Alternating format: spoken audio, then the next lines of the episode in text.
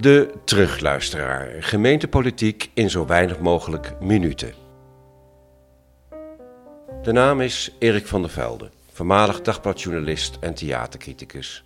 Ik zit de Amersfoortse gemeenteraad op de huid, middels samenvattingen en het geven van commentaar. De tegenstem werd breed gedragen.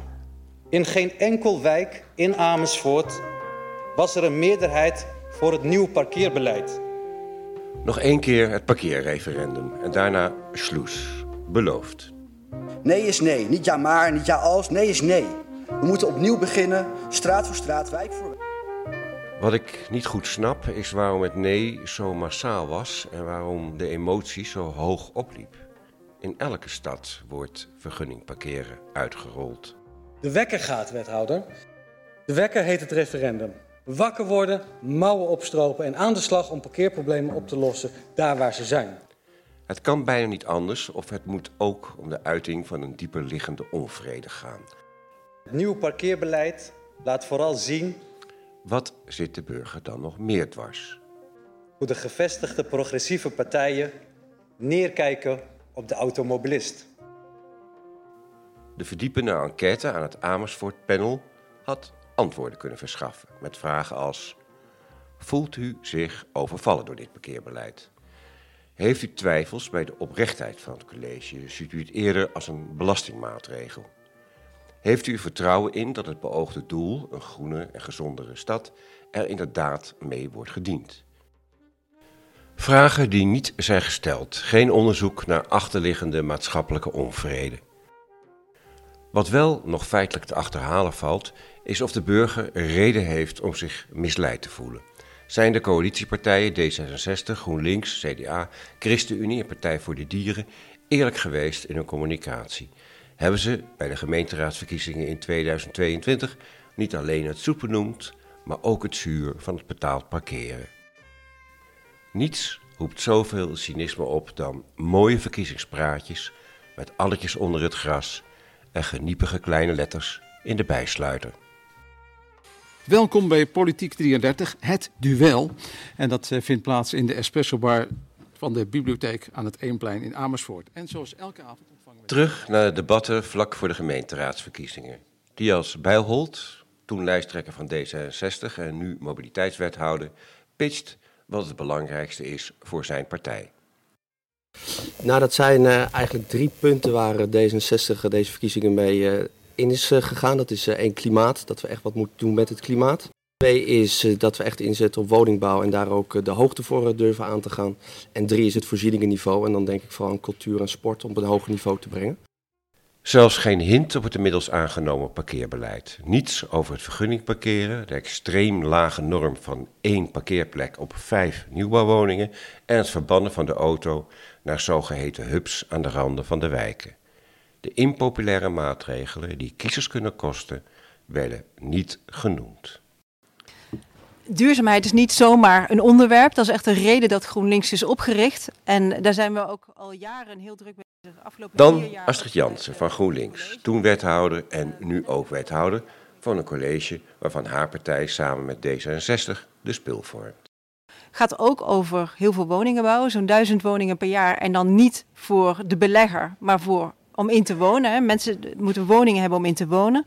We willen een inclusieve stad waar geen ruimte is voor discriminatie, waar we armoede aanpakken, waar we zorgen dat iedereen mee kan doen. En het gaat over een leefbare stad.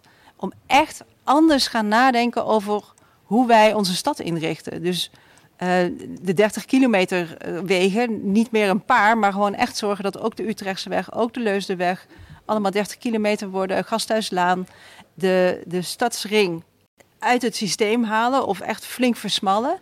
En dan gaan we echt een omslag maken naar een stad die voorrang geeft aan voetgangers en fietsers en die ruimte heeft voor groen en spelende kinderen. Wel 30 kilometer en de stadsring, niet het betaald parkeren.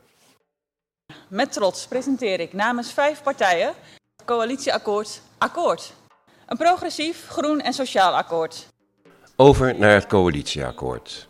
Als er in de gedrukte versie al iets over in stond, dan zo weggestopt dat geen enkele journalist het heeft opgemerkt. Terwijl het clickbait nieuws is, zoals het nu alsnog is geworden. We blijven huizen bouwen, zodat het voor Amersfoorters mogelijk blijft om te verhuizen naar een meer passende woning. En voor anderen om naar Amersfoort te verhuizen. We zetten daarbij in op inbreiding in de stad, bouwen rondom OV-knooppunten en gaan aan de slag met de ontwikkeling van. Marjolein Perdok van D66 lichtte het coalitieakkoord toe in de Raad. Op ongeveer de helft van haar vol mooie intenties overlopende betoog dan toch iets over het zuur.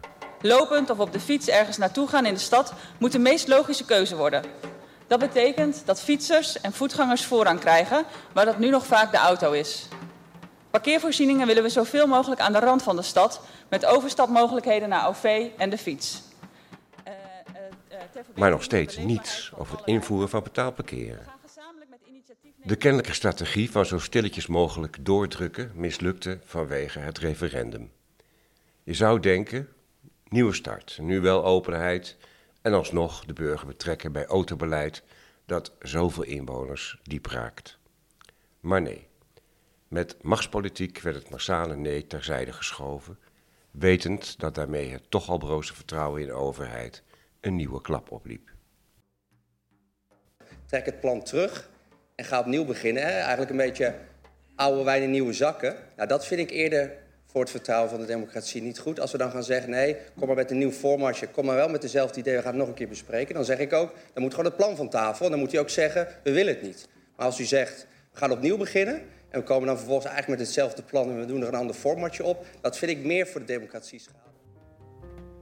Al dus wethouder Bijholt. Zo moet het en niet anders zonder uit te leggen waarom het dan niet anders kan. De situatie vroeg om moreel leiderschap. Een rol waar Bijholt nog stevig aan zal moeten werken, als hij hem al in huis heeft. De voltallige oppositie stuurde hem het podium af met een motie van afkeuring. Amersfoort is in een behoorlijk absurd drama verzeild geraakt. De zelfgekozen doelstelling van het bouwen van tienduizenden woningen staat haaks op de leefbaarheid.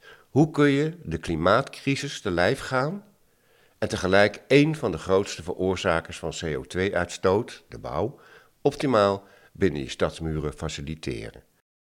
Hoe kun je pleiten voor hoogbouw en nog eens hoogbouw op elk stukje grond het Amersfoort Noordrest en tegelijk vinden dat de stad vanwege de hittestress in hoog tempo moet vergroenen. De grootste uitstoot, dat is eh, beton. Christian van Barneveld, fractieleider van de Partij voor de Dieren, zag voor de verkiezingen de paradox wel. Eh, als je een nieuw gebouw gaat bouwen, betonuitstoot is echt enorm. En uh, wat wij eigenlijk zeggen, het meest duurzame is uh, hergebruik van middelen. He, wij, wij, zijn nog heel erg voor circulariteit, dus dat doe je dan ook met je bestaande omgeving. Hij pleitte voor een CO2-bouwbudget, vond dat de stad moest inzetten op herbestemmen van bestaande gebouwen en keerde zich tegen een nieuw stadhuis. Uh, dan kan je natuurlijk een heel, een heel duurzaam stadhuis gaan bouwen, maar dan ga je heel veel CO2 uitstoten om dat neer te zetten. Dus dan ga je alweer over je budget heen. En wij zeggen, kijk nou eens of je het bestaande stadhuis niet duurzaam kan renoveren. Inmiddels zit de Partij voor de Dieren in het college en zoekt het nieuws met het verbieden van vissen met een weerhaak en het afschaffen van bloemen als bedankje. We zien ook uit alle cijfers dat de autogebruik in Amersfoort die neemt nog steeds toe. Dus het is niet dat de auto minder wordt. Al dus Michelin Pfaffe, toen lijsttrekker van CDA. Inmiddels is ook zij wethouder. Overal zijn wij met grote bouwplannen bezig. En al deze plekken moeten ook goed ontsloten zijn. Wij zijn, we hebben ook aangegeven als CDA, we vinden het heel belangrijk om goed te kijken naar uh, Maas, Mobility as a Service. En ook naar deelmobiliteit. Maar je moet altijd, als het niet werkt, voor welke manier dan ook, moet je ook altijd een plan B hebben. En hoe zorg je dan dat het goed gaat? In een voor bouwers georganiseerd verkiezingsdebat pleiten zij voor een plan B. In het geval dat het terugdringen van de auto niet of onvoldoende zou lukken. Uh, ja, ook gesproken over uh, de stadsring. Sommige partijen willen hem helemaal autoluw uh, maken. Wij vinden wel, wij geven ook onze steun aan de burgerinitiatief. Die zegt ook dat ze van een stadsring een soort stadspark willen maken. Maar wat ook belangrijk is, is dat, dat de binnenstad altijd bereikbaar blijft. En de auto en de fiets en de voetganger en eh, de bus en, uh, en, en, en, en. En volgens mij kan niet alles. Niet alles kan. Als wij onze stad bereikbaar willen houden en willen echt binnenstedelijk veel gaan, uh, gaan bouwen, dan zul je moeten kiezen. Reageert Astrid Jansen van GroenLinks. En dat betekent minder ruimte voor de auto, minder parkeerplaatsen. En daar worden bouwprojecten ook betaalbaarder van, dus ook haalbaarder van. En daar is dan toch een toespeling op het vergunning parkeren. Plan B is dan dat je zorgt voor parkeerregulering in de om, omliggende wijken. Maar durft u dat? Gaan we daar samen echt voor staan? Dat durft de CDA, weten we inmiddels, evenals ChristenUnie, de andere coalitiepartij. Best een opmerkelijke switch. Beide partijen waren in de vorige periode nog overtuigd voorstander van de aanleg van de westelijke ontsluiting. Wat ik niemand hoor zeggen is uh, betaalbaarheid. Uh, op een gegeven moment zijn woningen gewoon niet meer betaalbaar. Of ze beschikbaar zijn of niet, maar mensen, zeker starters, kunnen het niet meer betalen. Herman Broekhuizen, commercieel directeur van Heiligersbouw, schoof aan. En dat staat op gespannen voet met alle andere ambities die er zijn. Uh, veel groen betekent, dat, ja, dat betekent ook uh, dat moet wel opgebracht worden. Uh, vanuit de woningen die eromheen gebouwd worden. Interessant, omdat bouwers en projectontwikkelaars zelden in de openbaarheid treden. Die onderhandelen achter gesloten deuren met de gemeente. Raadsleden worden onder geheimhouding bijgepraat. De burger mag pas iets vinden als de ontwerpen de tekentafel hebben verlaten. Uh, binnenstedelijk bouwen, uh, ja, de infrastructuur ligt er, dus die hoef je niet meer aan te leggen. Maar de ervaring leert dat binnenstedelijk bouwen toch wel erg complex, ingewikkeld, uh, langdurige processen met zich meebrengt. Waardoor binnenstedelijk bouwen feitelijk toch wel duurder is als in het weiland. Maar als je wil verdichten, als je de hoogte in wil, dan zul je inderdaad auto's uit een gebied moeten, moeten weren. Want dat is, dat is, die combinatie is ruimtelijk, maar ook financieel verschrikkelijk lastig oplosbaar. Broekhuizen zegt het voorzichtig, maar zijn boodschap is helder.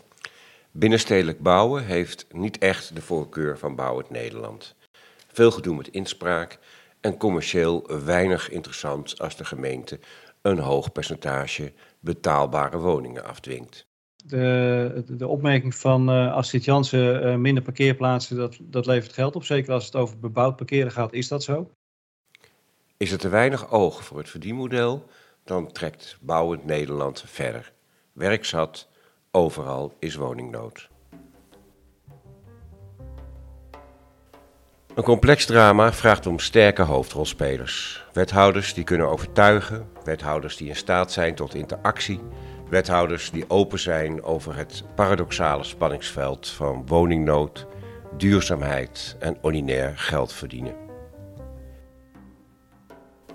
Het is onmiskenbaar waar dat bij zoveel binnenstedelijke bouwactiviteiten de auto moet worden teruggedrongen. Dat kan niet anders. Vanuit klimaatoverwegingen vonden D66, GroenLinks en Partij voor de Dieren dat dit toch al moest gebeuren. In die zin komt de stadsuitbreiding goed uit. De verkiezingsretoriek is uitgewerkt. Nu graag het genuanceerde verhaal. Tot zover uw terugluisteraar. Op naar het volgende bedrijf. Welgemoed met een tikkeltje zuur en een tikkeltje zoet.